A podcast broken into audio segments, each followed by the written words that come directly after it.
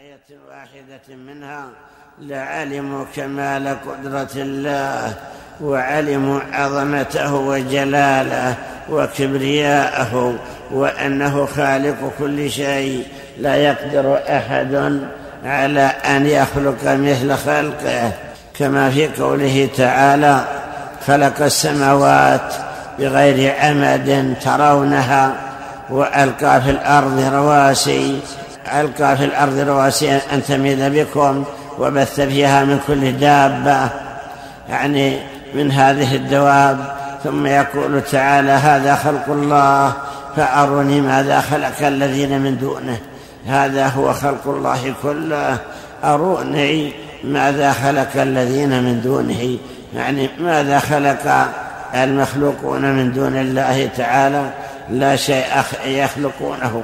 ولو اجتمعوا لا يخلقون ذرة أو لا يخلقون ذبابا أو لا, لا يخلقون بعوضة لا يقدرون على ذلك. ولو اجتمعوا على أن يرسلوا الرياح إذا سكنت لم يقدروا. ولو اجتمعوا على أن يسكنوها إذا هاجت لم يقدروا. ولو اجتمعوا على أن ينشئوا سحابا لم يقدروا. ولا على أن يوقفوه ويردوه بكيدهم. إذا أنشأه الله تعالى كل ذلك بتصرف الخالق العظيم سبحانه وتعالى فالخالق لهذه الأشياء هو المستحق للعبادة. نواصل القراءة. بسم الله الرحمن الرحيم. الحمد لله رب العالمين والصلاة والسلام على أشرف المرسلين نبينا محمد وعلى آله وصحبه أجمعين.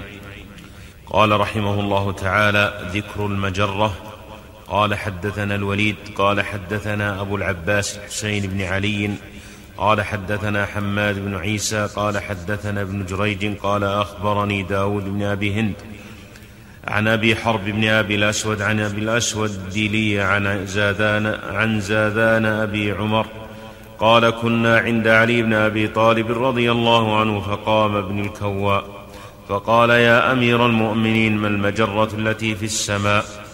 قال ذاك شرج السماء ومنها فتح الله عز وجل أبواب السماء بماء منهمر.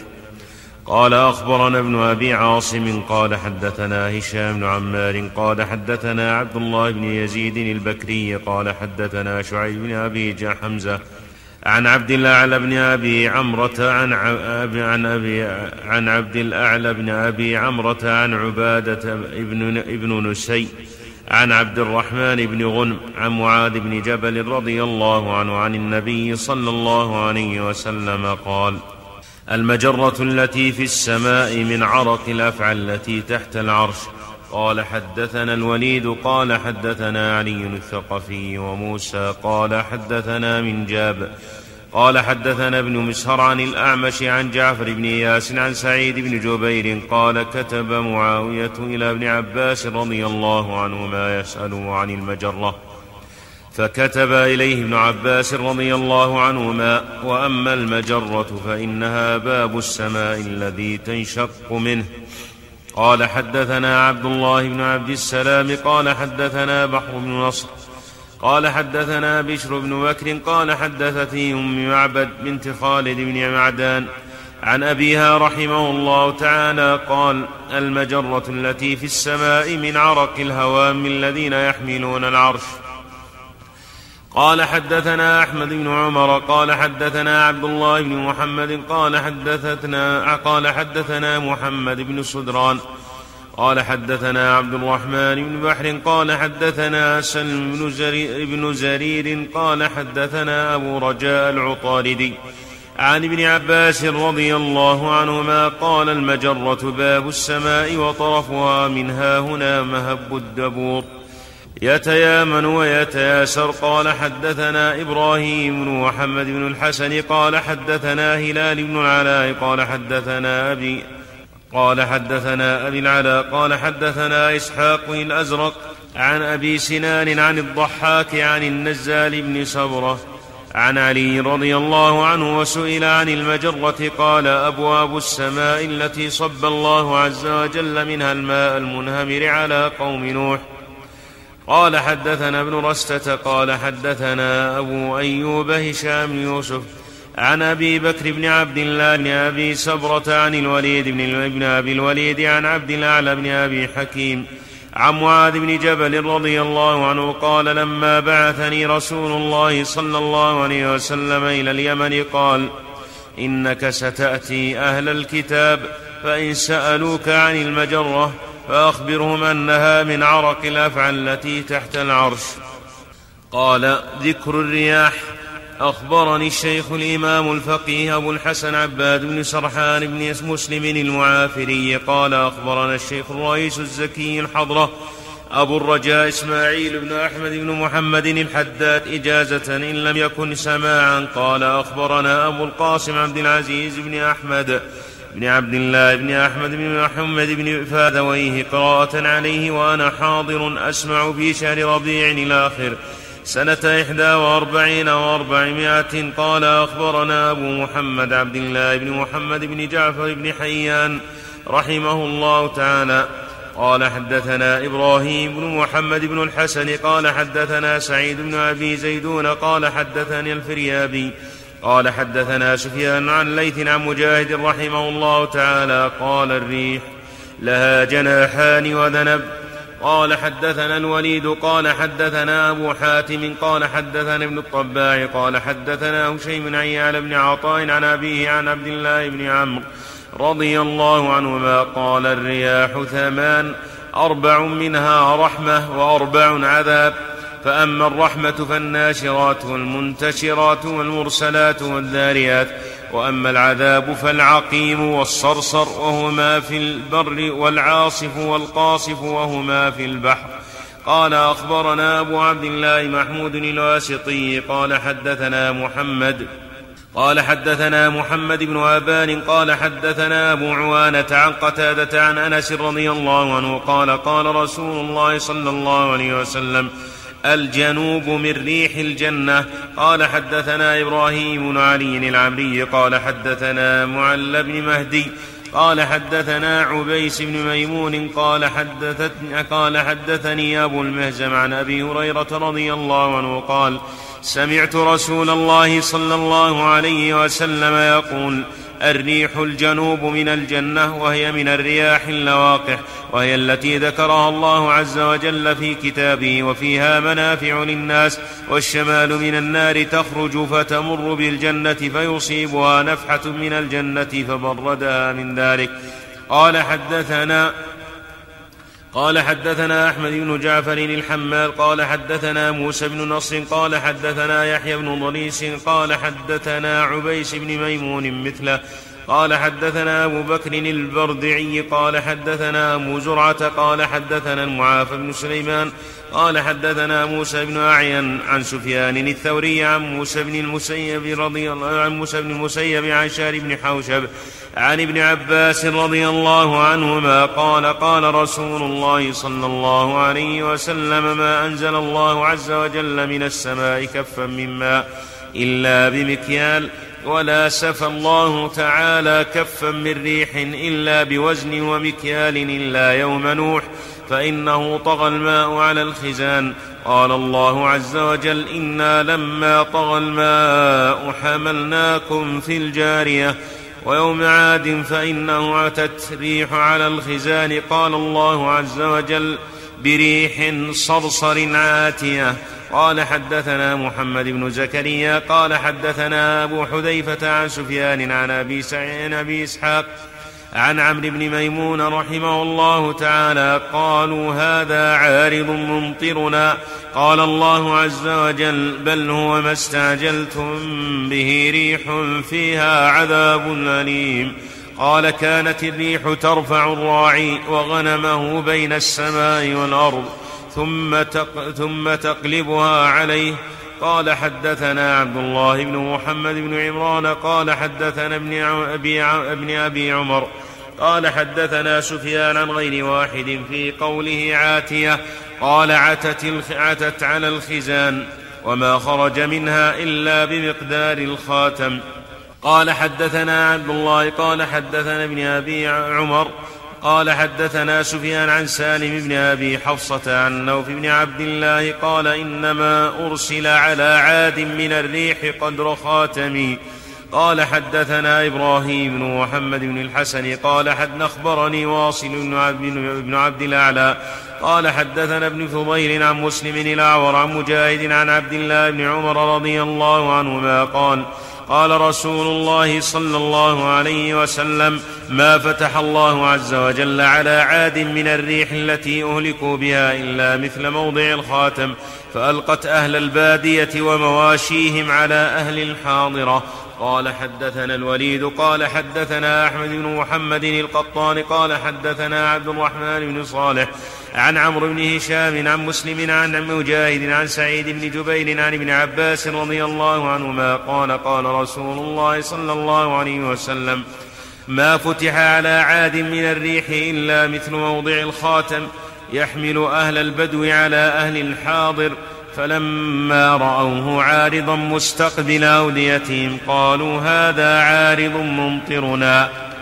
قال حدثنا إبراهيم قال حدثنا الربيع بن سليمان قال حدثنا أصبغ عن عبد الرحمن بن زيد بن أسلم صرصر عاتية شديدة القاهرة قال حسوما حسمتهم لم تبق منهم أحدا وإن كانت الريح لتمر بالضعينة فتستديرها وحمولتها ثم تذهب بهم في السماء ثم تكبهم على الرؤوس. قال حدثنا إبراهيم قال حدثنا سعيد قال حدثنا الفريابي عن ورقاء عن ابن أبي نجيح عن مجاهد صرصر عاتية قال شديدة وثمانية أيام حسوما أي متتابعة. قال حدثنا إبراهيم بن محمد بن الحسن قال حدثنا سفيان بن وكيع قال حدثنا ابن فضيل عن الأعمش عن حبيب عن ذر عن سعيد بن عبد الرحمن بن ابزى عن أبيه عن أبي بن كعب رضي الله عنه قال قال رسول الله صلى الله عليه وسلم لا تسبوا الريح فإنها من روح الله عز وجل. قال حدثنا إبراهيم بن محمد قال حدثنا يوسف بن سعيد بن سعيد بن مسلم قال حدثنا حجاج بن محمد عن ابن جريج قال أخبرني زياد بن سعد زياد بن سعد عن ابن شهاب قال أخبرني ثابت بن قيس قال ابن قيس أحد بني زريق عن أبي هريرة رضي الله عنه قال سمعت رسول الله صلى الله عليه وسلم يقول الريح من روح الله عز وجل تأتي بالرحمة وتأتي بالعذاب فلا تسبوها واسألوا الله من خيرها واعوذوا به من شرها. قال حدثنا عبد الرحمن بن أبي حاتم وإبراهيم وإبراهيم قال حدثنا عباس بن, ابن الوليد عن أبيه عن الأوزاعي قال حدثني الزهري عن ثابت الزرقي قال سمعت أبا هريرة رضي الله عنه قال أخذت الناس ريح فسال عمر يعني ابن الخطاب رضي الله عنه من حوله فقال أبو هريرة رضي الله عنه سمعت رسول الله صلى الله عليه وسلم يقول مثله قال حدثنا محمد بن عباس قال حدثنا حدثنا أبان بن يزيد قال حدثنا قتادة. عن أبي العالية عن ابن عباس رضي الله عنهما أن رجلا لعن الريح فقال النبي صلى الله عليه وسلم لا تلعنوها فإنها مأمورة فإنه من لعن شيئا ليس له بأهل رجعت اللعنة إليه. قال حدثنا إبراهيم بن محمد قال حدثنا أحمد بن سعيد قال حدثنا ابن وهب قال سمعت ابن جريج يحدث عن عطاء عن عائشة رضي الله عنها أن رسول الله صلى الله عليه وسلم كان كان إذا عصفت الريح قال اللهم إني أسألك خيرها وخير ما أرسلت به وأعوذ بك من شرها وشر ما فيها وشر ما أرسلت به. قال حدثنا أبو يعلى. قال حدثنا روح بن عبد المؤمن. قال حدثنا أبو عوانة عن عمر بن أبي سلمة عن أبيه عن عائشة رضي الله عنها أن النبي صلى الله عليه وسلم كان إذا اشتد الريح تغير وجهه. قال أخبرنا أبو يعلى قال حدثنا هارون بن معروف قال حدثنا ابن وهب قال أخبرنا عمرو بن الحارث أن أبا النضر حدثه عن سليمان بن يسار عن عائشة رضي الله عنها قالت كان النبي صلى الله عليه وسلم إذا رأى غيما وريحا عرف ذلك في وجهه فقالت يا رسول الله الناس إذا رأوا الغيم فرحوا به رجاء أن يكون فيه المطر. فأراك إذا رأيته عرفت في وجهك الكراهية. فقال يا عائشة ما يؤمنني أن يكون فيه عذاب. عذب قوم نوح قوم بالريح. وقد رأى قوم العذاب فقالوا هذا عارض ممطرنا. قال حدثنا إبراهيم بن محمد بن الحسن قال حدثنا عبد الله بن عمر قال حدثنا عبد الرحمن بن مهدي وأبو قتيبة عن حماد بن زيد عن علي بن زيد عن مطرف قال قال كعب رحمه الله تعالى لو, احتس لو احتبست الريح ثلاثة أيام لأنتنت الأرض. قال حدثنا إبراهيم بن محمد قال حدثنا الربيع بن سليمان الجيزي قال حدثنا أصبغ قال سمعت عبد الرحمن بن زيد رحمه الله تعالى في قوله عز وجل وهو الذي يرسل الرياح بشرا بين يدي رحمته قال فتحيي, فتحيي بها الأرض فتحيي بها الأرض والشجر وهذه لا تحيي ولا تلقح. هي عقيم ليس فيها من الخير شيء. إنما هي عذاب لا تلقح.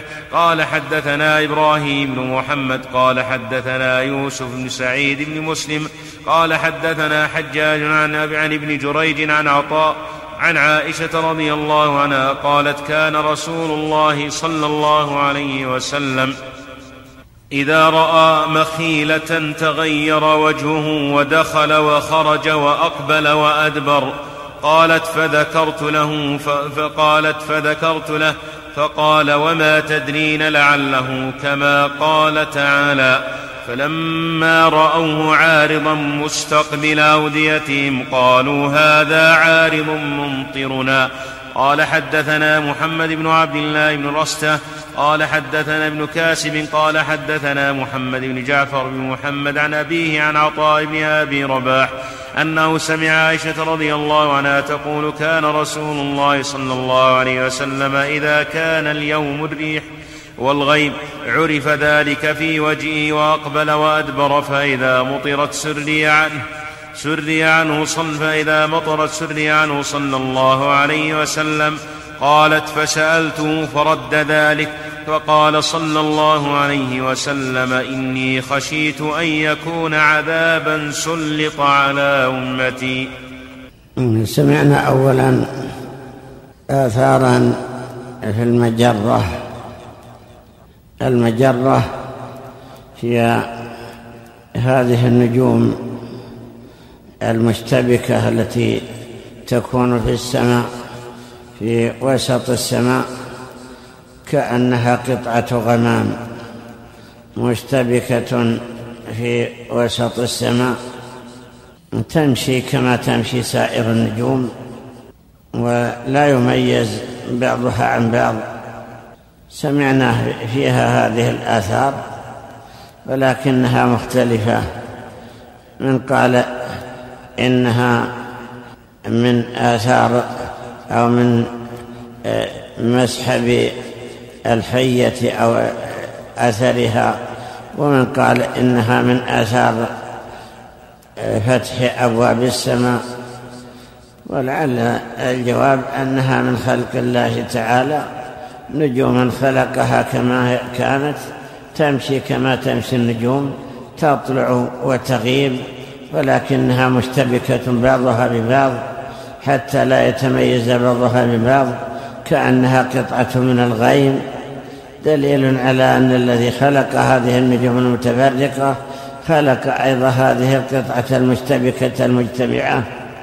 فهي من آيات الله كما أن النجوم أيضا من مخلوقاته النجوم التي خلقها وفيها ما فيها. كما في قوله تعالى وهو الذي جعل لكم النجوم لتهتدوا بها في ظلمات البر والبحر. أي جعل لكم هذه النجوم وجعلها هداية لكم فكذلك هذه المجرة. وأما الآثار التي بعدها فهي تتعلق بالرياح كما سمعنا. الرياح هي هذه الريح التي يرسلها الله تعالى وتكون قوية وتكون هادئة ساكنة ويرسلها الله تعالى رحمة ويرسلها أحيانا عذابا وفيها مصالح عظيمة كما في هذه الآيات من مصالحها أنها أنها تجري بها السفن. السفن القديمة يجعل لها مثل الشراع مقابل الشمس ثم تدفعه الريح حيث يريدون أن يتوجهوا إلى أن يقطعوا البحر.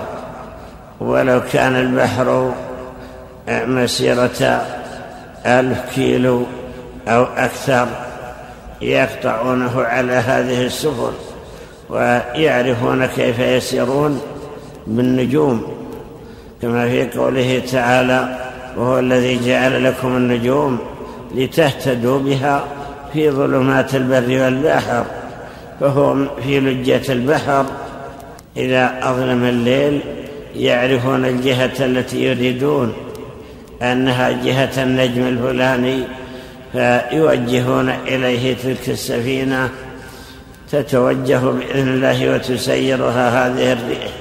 وإذا سكنت الريح وقفت قال تعالى إن يشاء يسكن الريح فيظللن رواكد على ظهره. فهو الذي علمهم صناعة هذه الفلك التي هي من آيات الله. وكذلك أيضا سيرها بهذه الرياح بهذه الريح التي تدفعها ريحا طيبة. وإذا اشتدت الريح فإنها تضطرب السفينة ويخافون الغرق. إلا أن ينجيهم الله تعالى. قال تعالى وهو الذي يسيركم في البر والبحر حتى إذا كنتم في الفلك أي في السفن وجرين بهم بريح طيبة أي ريح لطيفة لينة جاءتها ريح عاصف العاصف من رياح البحر. وكذلك القاصف كما سمعنا جاءتها ريح عاصف وجاءهم الموج من كل مكان إذا اشتدت الريح بهذه الصفة فإن البحر تموج أمواجه وتضطرب أمواجه حتى ترتفع على وجهه ارتفاع متر أو مترين أو أكثر كأنها جبال وجاءهم الموج من كل مكان وظنوا أنهم أحيط بهم أنهم سوف يغرقون. دعوا الله مخلصين له الدين ينسون ما يشركون ويقول تعالى وإذا مسكم الضر في البحر ضل من تدعون إلا إياه أي ذهب عنكم من تدعونه من الأوثان إلا إياه إلا الله وحده. فلما نجاكم إلى البر أعرضتم. ثم قال تعالى أفأمنتم أن يخسف بكم جانب البر أو يرسل عليكم قاصفا من الريح أو يرسل عليكم حاصبا؟ ثم قال أم أمنتم أن يعيدكم فيه تارة أخرى في البحر فيرسل عليكم قاصفا من الريح فيغرقكم بما كفرتم؟ فالقاصف اسم من أسماء الريح الريح الشديدة التي هي عذاب وكذلك العاصف جاءتها ريح عاصف عواصف الرياح الشديدة. التي إذا اشتدت تكاد السفن أن تغرق من شدة دافعها له ولا ينجيهم إلا الله تعالى عندما يدعونه وحده.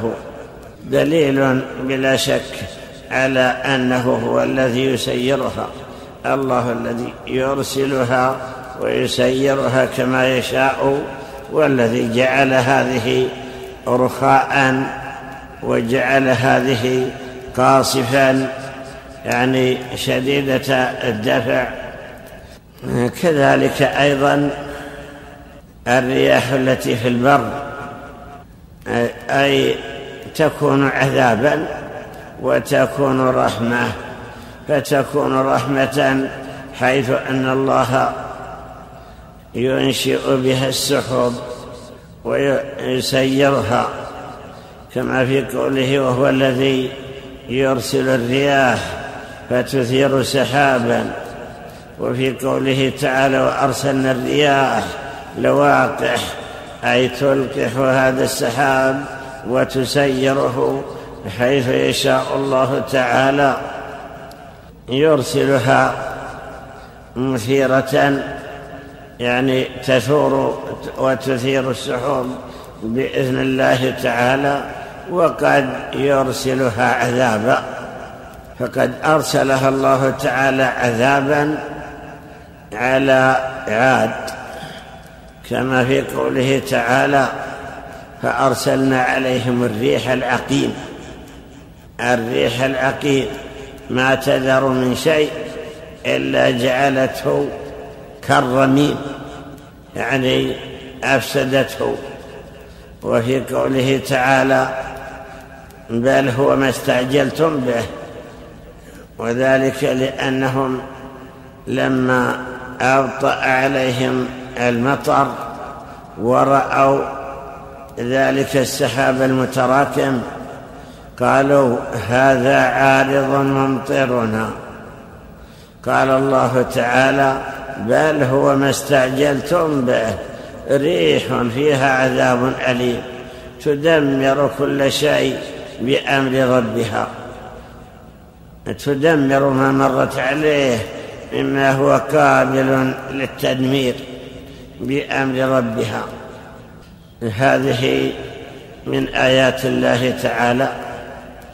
ورد أنه صلى الله عليه وسلم قال نصرت بالصبا وأهلكت عاد بالدبور. الصبا الريح التي تأتي من الشرق ويسمونها نسيم الصبا يعني أنها الريح اللذيذة التي نسيمها يفرح ويسر نسيم الصبا وأخبر الله أخبر النبي صلى الله عليه وسلم بأنه نصر بالصبا. وذلك يوم أن جاء الأحزاب الذين خيموا على المدينة وحصروا أهلها سنة خمس. لما ضاقت الحال بأهل المدينة أرسل الله ريحا على أولئك الأحزاب قال الله تعالى فأرسلنا عليهم ريحا وجنودا لم تروها.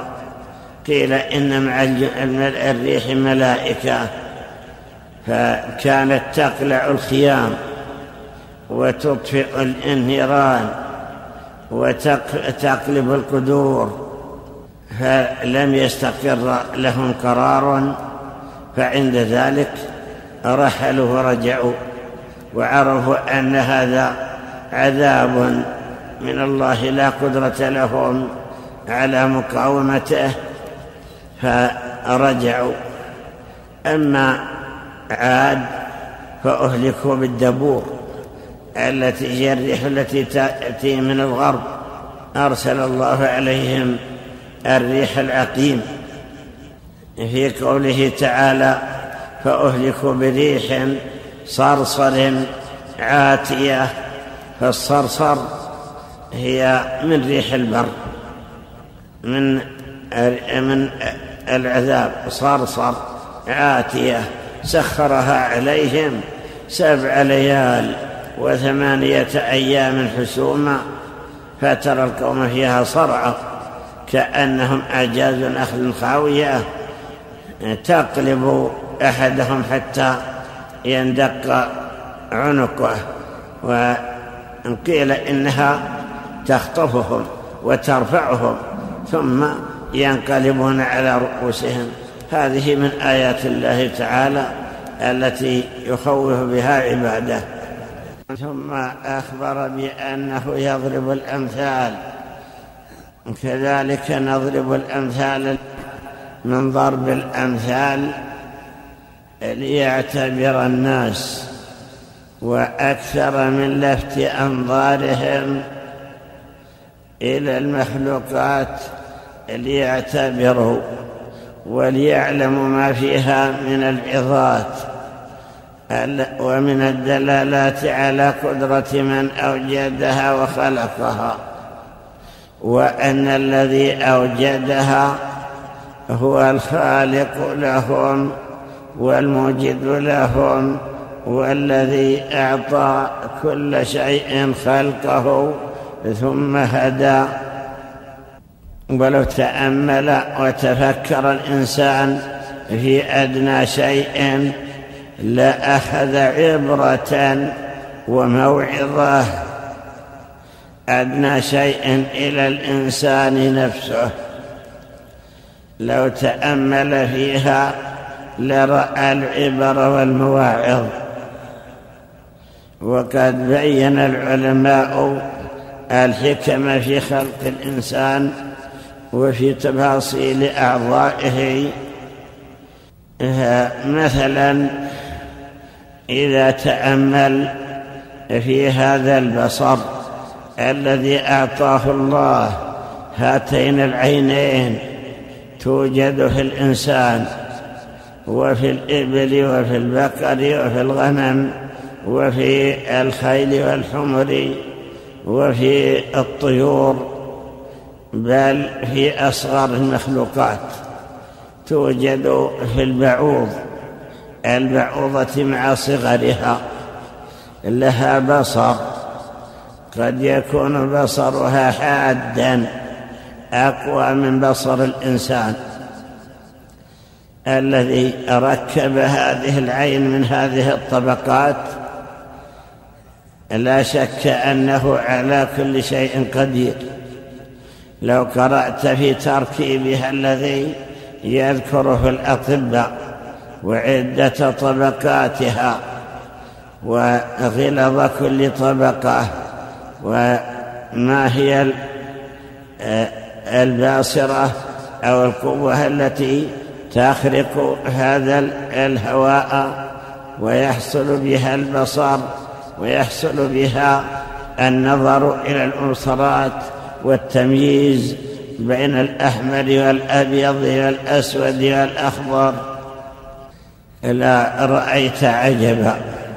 كذلك جعل الله تعالى لها هذه الأجفان التي تحميها عندما يخشى الإنسان على بصره من خطر أو نحوه يغمض عينيه ويطبق جفنيه على كل عين بسهولة حتى لا يصل إليها غبار أو تراب أو كذر أو كذا أو شيء يضرها لأنها جوهر لطيف يتأثر بأدنى شيء من الأتربة والأعواد وما أشبهها.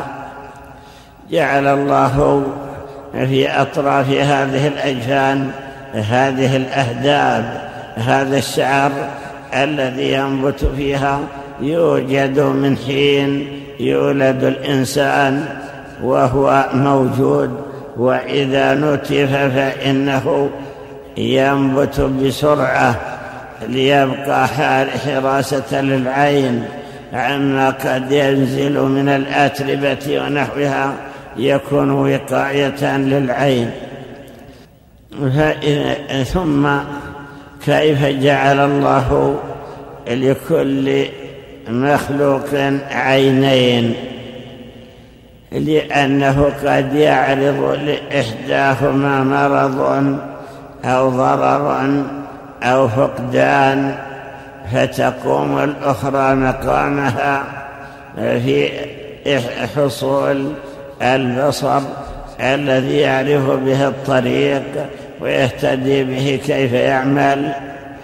ونتأمل في حال من فقد البصر ماذا يكون؟ يتمنى أن يرد إليه بصره.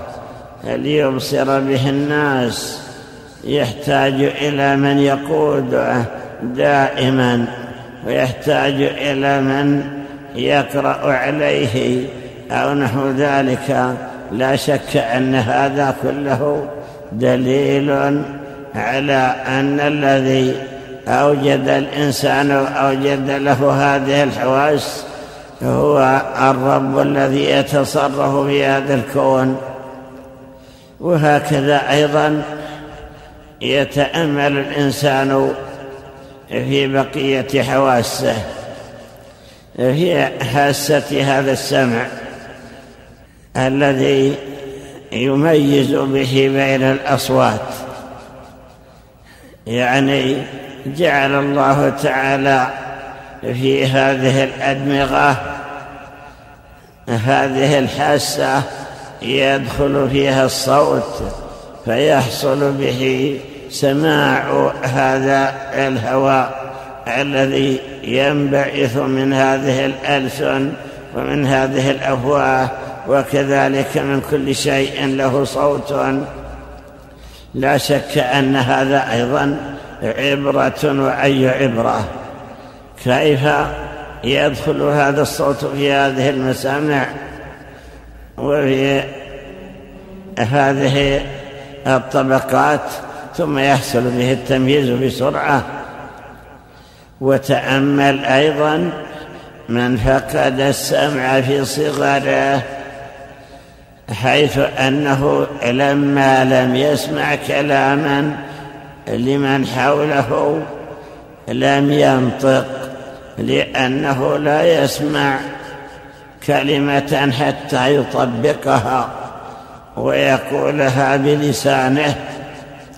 أما الذي يسمع فإنه يسمع حرف الألف فينطق به ويسمع حرف الجيم فينطق به ويسمع الكلمة فينطق بها.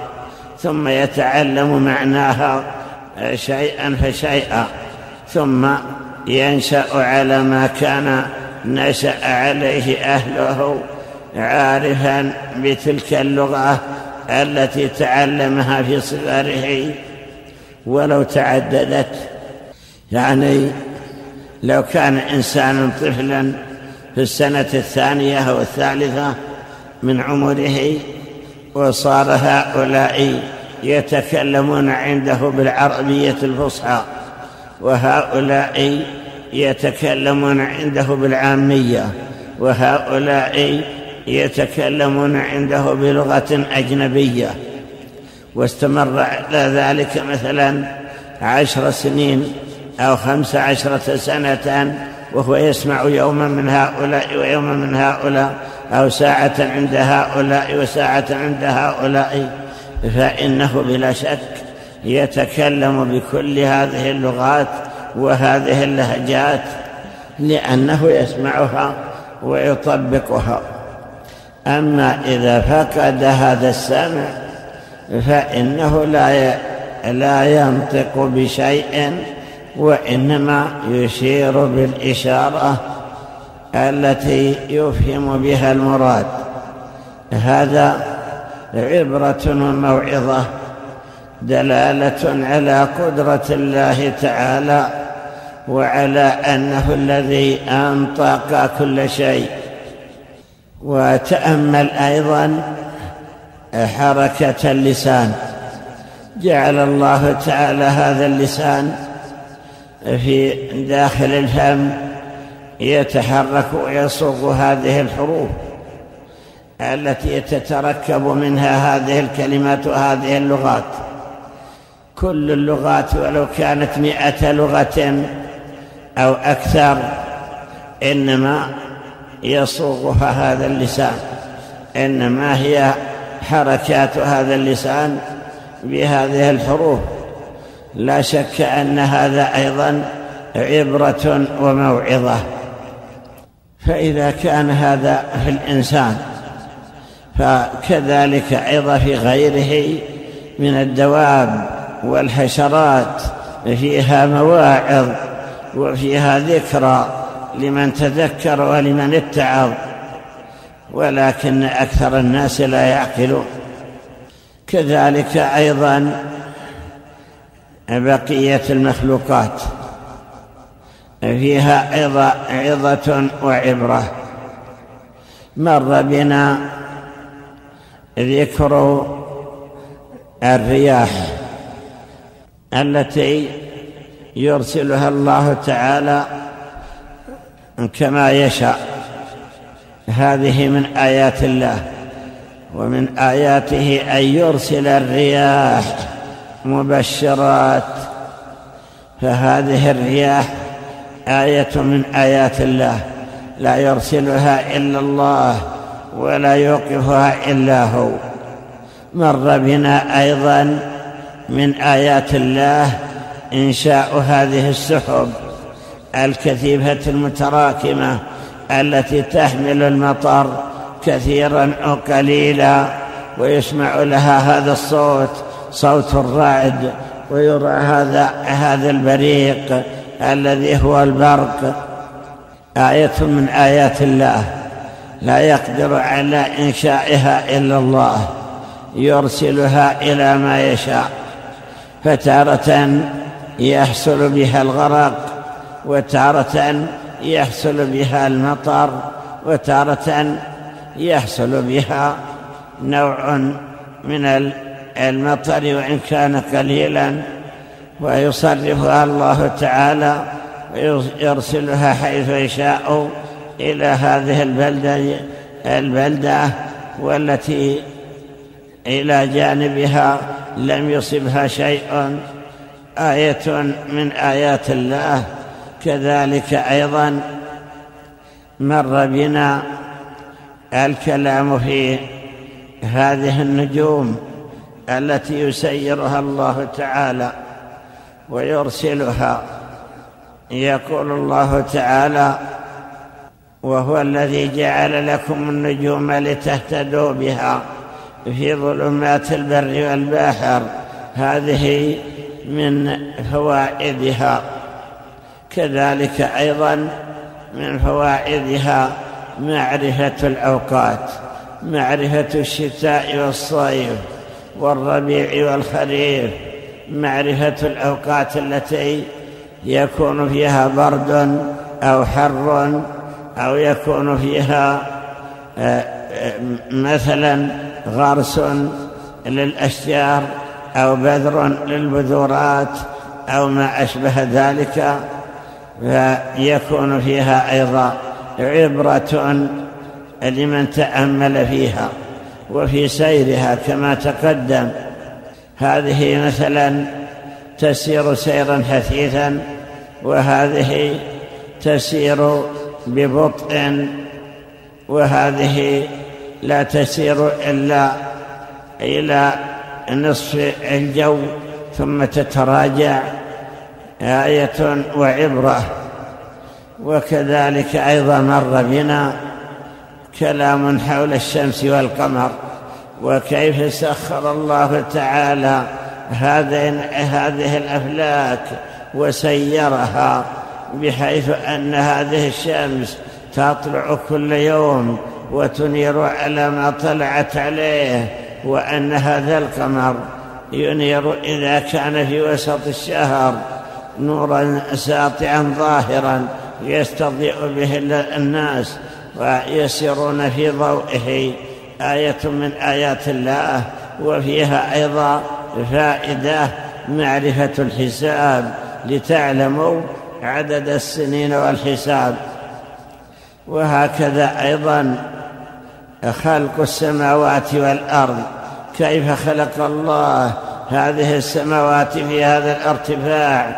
وأخبر بأنها سبع سماوات وأن كل سماء فوقها أخرى. إلى سبع وكذلك خلق هذه الأرض الأرض التي نحن عليها والتي نشاهد اتساعها ونشاهد ما فيها أيضا من الآيات. إذا سرت فيها وجدت أو رأيت عجبا تسير وقتا طويلا في أرض صحراء ثم تنتقل إلى أرض رملية ثم تنتقل إلى أرض حرة فيها حجارة منبثة على الأرض ثم تنتقل إلى أرض جبلية فيها جبال واطئة ثم إلى جبال مرتفعة شاهقة وكل ذلك في أرض واحدة. لا شك أن هذا أيضا آية من آيات الله عبرة لمن تذكر واعتبر وكذلك أيضا إذا نظرت إلى هذا النبات الذي تنبته هذه الأرض ينبت كما شاء الله تعالى فتنبت الأرض هذه أعشابا لا تنبتها الأرض الأخرى وينبت في الصيف ما لا ينبت في الشتاء أو ما لا ينبت في الربيع واللقاح واحد الذي هو الماء والأم واحدة التي هي الأرض. قال الله تعالى وهو الذي مد الأرض وجعل فيها رواسي وأنهارا وسبلا لعلكم تهتدون. هكذا مد الأرض وجعل فيها أنهارا. أي أنهار جارية يجري معها الماء يجريه الله تعالى من مكان لا يعلم به غيره. ويخبر تعالى بأن هذه عبرة وموعظة لمن يتعظ بها ويتذكر. وإذا تأملنا في هذه المخلوقات عرفنا أن الذي خلقها هو رب العالمين وأنه ما خلقها عبثا. قال الله تعالى وما خلقنا السماوات والأرض وما بينهما لاعبين. ما خلقناهما إلا بالحق. وقال تعالى وما خلقنا السماء والأرض وما بينهما باطلا. ذلك ظن الذين كفروا. فويل للذين كفروا من النار. الذين يعتقدون أنها خلقت باطلا أو أنها أوجدت نفسها. أو أن الذي توجد توجدها الطبائع أو ما أشبه ذلك هؤلاء هم الخاسرون الذين سلبوا عقولهم أو صرفوا عقولهم إلى أمور تافهة دنيوية لا تسوى من يهتم بها. فنتواصى بأن نكثر من التأمل والتفكر في آيات الله وفي مخلوقاته. ورد في حديث ذكره ابن كثير عند تفسير هذه الآية من سورة آل عمران إن في خلق السماوات والأرض واختلاف الليل والنهار لآيات لأولي الألباب الذين يذكرون الله قياما وقعودا وعلى جنوبهم. ويتفكرون في خلق السماوات والأرض أن النبي صلى الله عليه وسلم لما أنزلت عليه بكى تلك الليلة حتى أخضل لحيته فسألته عائشة ما هذا البكاء؟ فقال أنزلت علي هذه الآيات التي فيها الأمر بالتفكر وفيها أنها آيات لمن يتفكر. إن في خلق السماوات والأرض واختلاف الليل والنهار. لآيات لقوم يتفكرون لآيات لأولي الألباب أي لأصحاب العقول الذين يذكرون الله قياما وقعودا ويتفكرون في خلق السماوات والأرض. ثم قال ويل لمن قرأهن ولم يتفكر فيهن. وعيد سئل بعض الرواة كيف نخرج من هذا الوعيد. حتى نسلم من هذا الوعيد فقال أن يقرأهن وهو يعقلهن. يعني كلما مررت بهذه الآيات فإنك تقرأها وأنت حاضر العقل وأنت متأمل متفكر فيها. لا تمر عليها وأنت غافل ساهن منشغل القلب. فإن في ذلك تعرض لهذا الويل. وما أكثر الذين يقرؤونها وهم غافلون عنها. أو تقرأ عليهم وتقرع مسامعهم وهم لا يتفكرون فيها ولا يتذكرون إذا تفكروا. والآن نواصل القراءة. بسم الله الرحمن الرحيم. الحمد لله رب العالمين. والصلاة والسلام على أشرف المرسلين نبينا محمد وعلى آله وصحبه أجمعين. قال رحمه الله تعالى قال حدثنا إبراهيم بن محمد قال حدثنا أبو شيبة الرهاوي قال حدثنا يحيى بن آدم عن أبي بكر بن عياش عن عاصم بن أبي النجود عن الحارث بن حسان البكري أحد بني عامر بن دهل رضي الله عنه قال خرجت أريد النبي صلى الله عليه وسلم فمررت بعجوز من بني تميم فاستحملتني إلى النبي صلى الله عليه وسلم فحملتها. فلما قدمت المدينة دخلت المسجد فإذا رسول الله صلى الله عليه وسلم على المنبر وإذا بلال قائم وهو متقلد السيف وإذا رايات سود قلت ما هذا؟ قالوا عمرو بن العاص قدم من غزوته. قال فلما دخل النبي صلى الله عليه وسلم استأذنت عليه فأذن لي فقلت إن معي عجوزا من بني تميم استحملتني فحملتها فأذن لها فقال رسول الله صلى الله عليه وسلم هل كان بينكم وبين بني تميم شيء؟ قلت نعم كانت لنا الدبرة عليهم. قال إن رأيت يا رسول الله صلى الله عليه وسلم أن تجعل الدهناء بيننا وبينهم فافعل. قالت العجوز فإلى من تضطرنا يا رسول الله مضر؟ قلت معزا حملت حتفا. حملتك أو جلبتك لتكوني لي خصما. فأعوذ بالله يا رسول الله أن أكون كوافد عاد قال وما وافد عاد وقلت على الخبير سقط. إن, إن عادا قحطوا فبعثوا رجلا منهم يقال له نعيم. يستسقي لهم فأتى مكة فنزل على بكر بن معاوية فأقام عنده.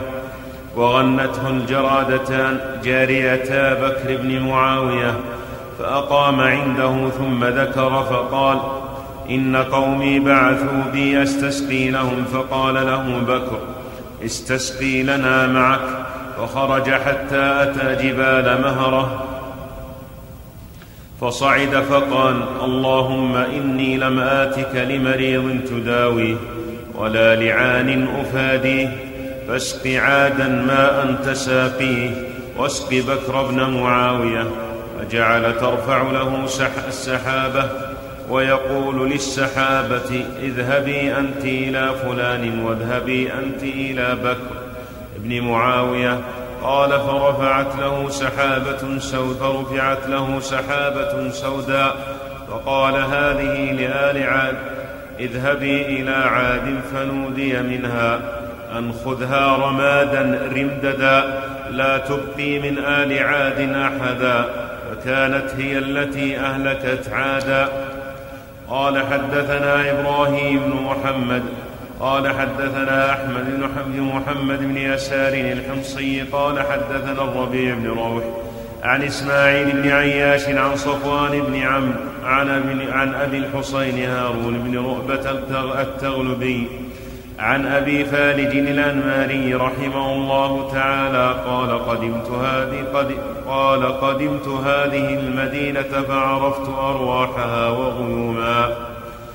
إذا رأيت هذه الريح الشرقية قد دامت ورأيت السحاب شاميا محلقا فهيهات هيهات ما أبعد غيثها.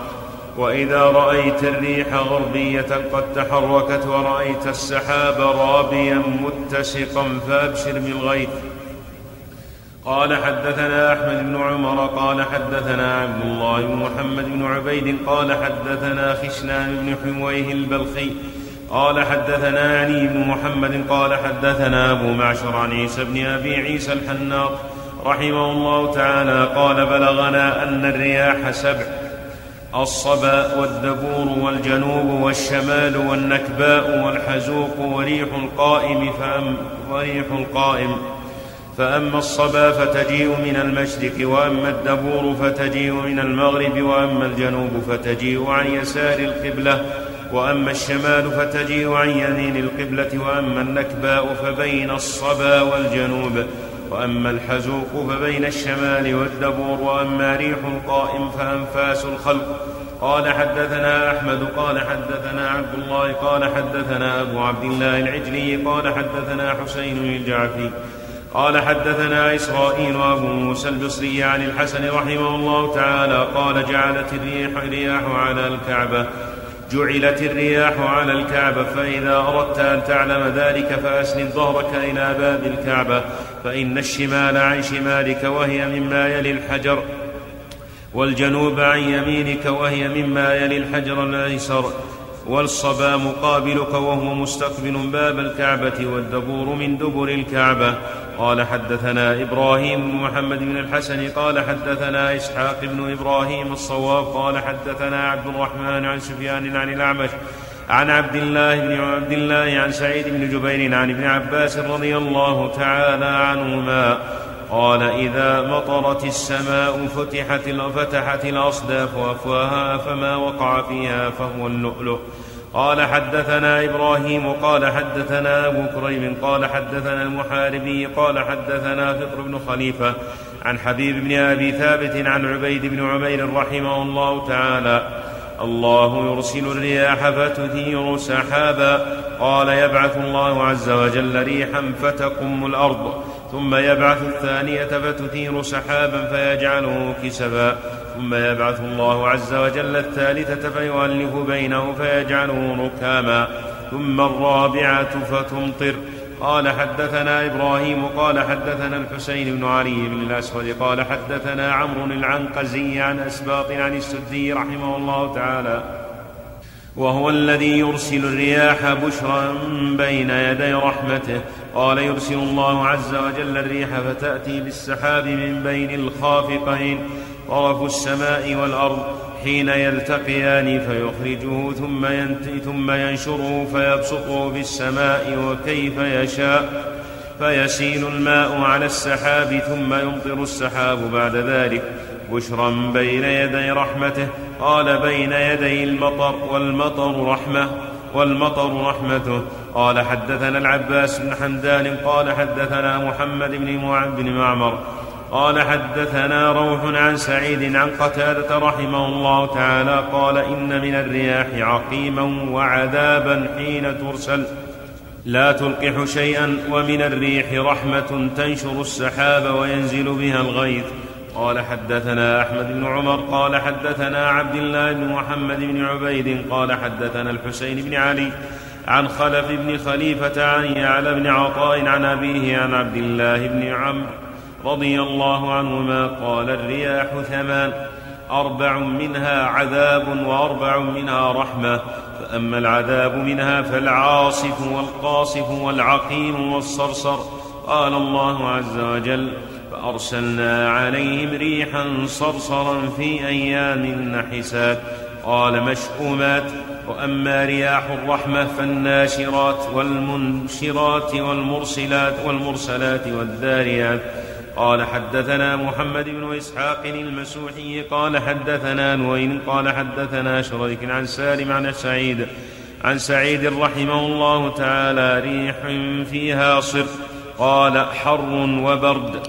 قال أخبرنا أبو يعلى قال حدثنا أبو هشام الرفاعي قال حدثنا ابن فضيل قال حدثنا الأعمش عن أنس رضي الله عنه قال كان النبي صلى الله عليه وسلم إذا رأى الريح فزع وقال اللهم إني أسألك خير ما أمرت به وأعوذ بك من شر ما أرسلت به قال حدثنا إبراهيم بن محمد بن حسين قال حدثنا أبو هشام قال حدثنا ابن فضيل قال حدثنا رشدين بن كريب عن أبيه عن ابن عباس رضي الله عنهما قال كان رسول الله صلى الله عليه وسلم يقول في دعائه اللهم إني أعوذ بك من شر ما تجيء به الرسل وشر ما تجيء به الريح قال حدثنا عبدان قال حدثنا الصاغاني قال حدثنا نعيم بن حماد قال حدثنا الوليد بن مسلم عن عبد الرحمن بن يزيد بن جابر عن مكحول عن أبي صخر, زي صخر زياد بن صخر عن أبي الدرداء رضي الله عنه قال كان رسول الله صلى الله عليه وسلم إذا كانت ليلة ريح كان مفزعه إلى المسجد حتى تسكن الريح فإذا حدث في السماء حدث من كسوف شمس أو قمر كان مفزعه إلى الصلاة حتى تنجلي. قال حدثنا أحمد بن عمر قال حدثنا عبد الله قال حدثنا فضيل بن عبد الوهاب قال حدثنا محمد بن يزيد عن جويبر قال حدثني أبو داود أنه سمع ابن عباس رضي الله عنهما يقول في قوله فلما رأوه عارضا مستقبل أوديتهم قالوا غيم فيه مطر. قال بل هو ما استعجلتم به ريح فيها عذاب أليم. فأول ما عرفوا أنه عذاب رأوا ما كان خارجا من رجالهم ومواشيهم يطير بين السماء والأرض مثل الريش. دخلوا بيوتهم وأغلقوا أبوابهم فجاءت الريح ففتحت أبوابهم ومالت عليهم بالرمل فكانوا تحت الرمل سبع ليال وثمانية أيام حسوما لهم أنين. ثم أمر الريح فكشفت عنهم الرمل وامرا فطرحتهم في البحر فهو قوله سبحانه فأصبحوا لا يرى إلا مساكنهم. قال حدثنا أحمد بن عمر قال حدثنا عبد الله بن محمد بن قال حدثني إبراهيم بن سعيد قال حدثنا أبو اليمان عن أبي بكر بن أبي مريم عن ضمرة بن حبيب رحمه الله تعالى قال الدبور الريح الغربية والقبول الريح الشرقية والشمال الريح الجنوبية واليمان الريح القبلية والنكباء التي تأتي من الجوانب الأربع. قال حدثنا أحمد قال حدثنا عبد الله بن محمد قال حدثنا شجاع بن الأشرس قال حدثنا إسماعيل بن عياش عن محمد بن عجلان عن زيد بن أسلم عن عطاء بن يسار رضي الله عنه قال قلت لكعب رحمه الله تعالى من ساكن الأرض الثانية؟ قال الريح العقيم لما أراد الله عز وجل أن يهلك قوم عاد أوحى إلى خزنتها أن افتحوا منها بابا قالوا يا ربنا مثل منخر الثور قال إذا تكفئ, تكفئ, إذا تكفأ الأرض بمن عليها. فقال افتحوا منها مثل حلقة الخاتم.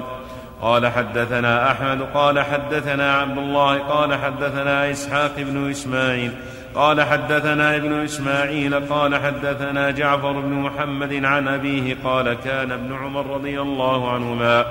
إذا عصفت الريح يقول شدوا التكبير فإنه يذهب. قال حدثنا أحمد قال حدثنا عبد الله قال حدثنا عبد بن بن إدريس عن أبيه عن وهب عن ابن عباس رضي الله عنهما. قال الريح ثمان أربع رحمة وأربع عذاب الرحمة المبشرات والمنتشرات والمرسلات والرخاء والعذاب والرخاء. والعذاب العاصف والقاصف وهما في البحر والعقيم والصرصر وهما في البر. قال حدثنا أحمد بن عمر قال حدثنا عبد الله بن محمد قال حدثنا الحارث بن مسكين عن ابن وهب عن مالك رحمه الله تعالى قال سئلت امرأة من بقية قوم عاد أي عذاب لا يشد قالت كل عذابه شديد. وسلام الله ورحمته على ليلة لا ريح فيها. قالت ولقد رأيت العير تحملها الريح بين السماء والأرض. قال حدثنا أحمد بن محمد بن شريح. قال حدثنا محمد بن رافع. قال حدثنا إسماعيل. قال حدثنا عبد الصمد. قال سمعت وهبا رحمه الله تعالى يقول إن عادا لما عذبهم الله عز وجل بالريح التي عذب بها كانت تقلع الشجرة العظيمة بعروقها. وتهدم عليهم بيوتهم فمن لم يكن منهم في بيت هبت به الريح حتى تقصيهم في الجبال فهلكوا بذلك كلهم. نأخذ من هذه الآثار عبرة وموعظة ودليلها من القرآن. إذا تأملنا الآيات القرآنية وجدنا فيها ذكر هذه الرياح وهذه الريح. فقد ذكر الله تعالى الريح التي آهلك بها عادا.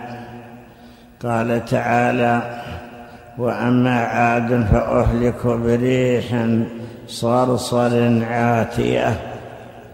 سمعنا في بعض الآثار تفسير عاتيه أنها عتت أي خرجت بقوة وأنها سائر الرياح لا يخرج منها إلا شيء يسير.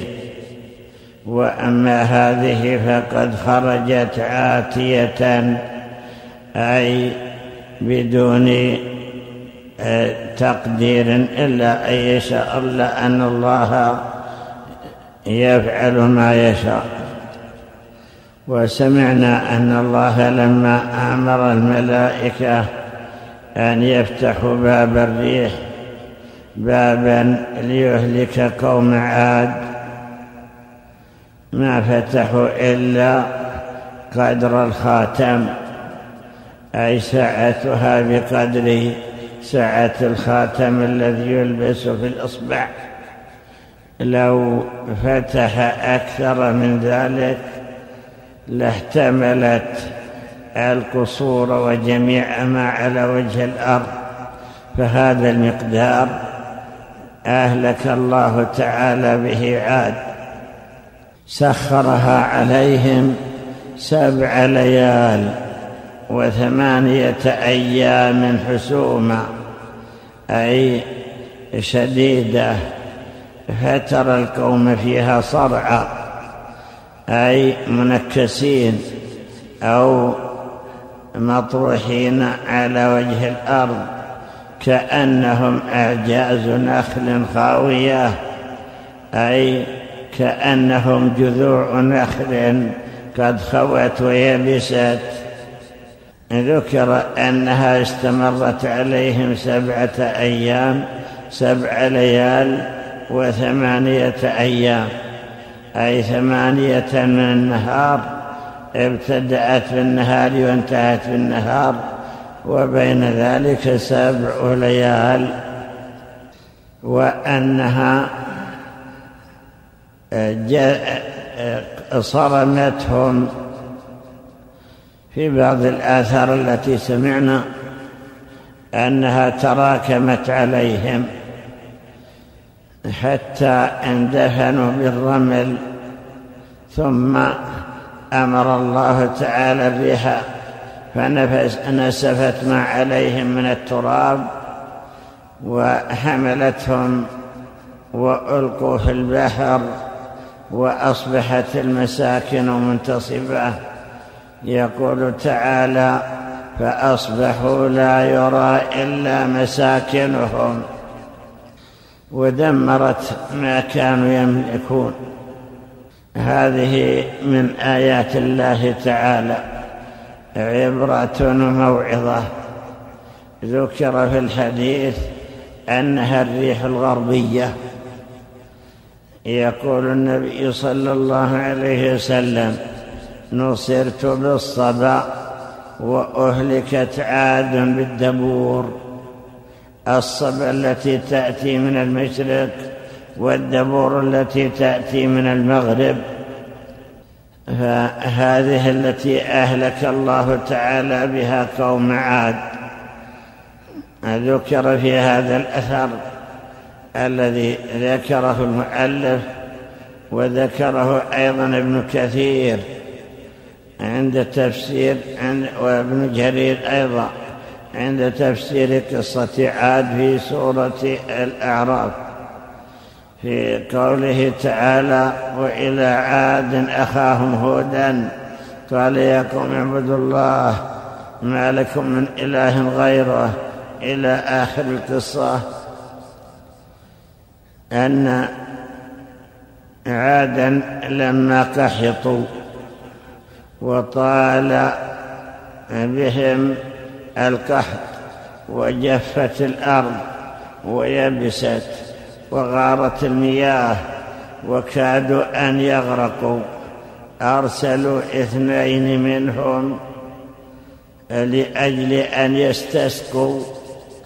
هم يعرفون أن الله تعالى هو الذي يرسل الرياح وهو الذي ينزل السحب وهو الذي يغيث وهو الذي يسلط القحط على من يشاء يعترفون بذلك ولكنهم يشركون. يعبدون مع الله آلهة أخرى. لما تمادوا في شركهم أرسل الله إليهم نبيه هودا عليه السلام فلما بلغهم ما أرسل به وقال أبلغكم رسالات ربي وأنا لكم ناصح أمين أو عجبتم أن جاءكم ذكر من ربكم على رجل منكم لينذركم؟ واذكروا إذ جعلكم خلفاء من بعد عاد وزادكم في الخلق بسطة. فاذكروا آلاء الله لعلكم تفلحون. قالوا أجئتنا لنعبد الله وحده ونذر ما كان يعبد آباؤنا. يدل على أنهم كانوا يعبدون آلهة أخرى أخذوها عن آبائهم وأن هودا أمرهم بأن يعبدوا الله وحده. فقالوا ائتنا بما تعدنا. إن كنت من الصادقين. فهددهم وقال قد وقع عليكم من ربكم رجس وغضب. يتوعدهم بأن الله غضب عليهم. فالحاصل أن الله أهلكهم بهذه الريح. كما في قوله تعالى إذ أرسلنا عليهم الريح العقيم. العقيم هي التي لا خير فيها ولا فائدة فيها بل فيها ضرر. وصفها بقوله ما تذر من شيء أتت عليه إلا جعلته كالرميم. أي كالرفات. الرميم هو رفات الشيء إذا أكلته الأرض. العظم إذا أكلته الأرض أصبح رميما ولهذا قال بعض المشركين من يحيي العظام وهي رميم أصبحوا كالرميم. هذه من آيات الله تعالى. وكذلك أيضا لما جاء المشركون يوم الأحزاب في سنة خمس حاصروا المدينة وضيقوا على المسلمين وشددوا الحصار عليهم.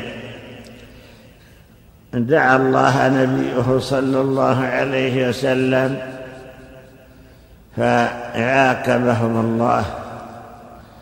في ليلة من الليالي شديدة البرد أرسل الله عليهم الريح وأرسل عليهم الملائكة تقلع خيامهم وتكفئ قدورهم وتطفئ نيرانهم فلم يقر لهم قرار.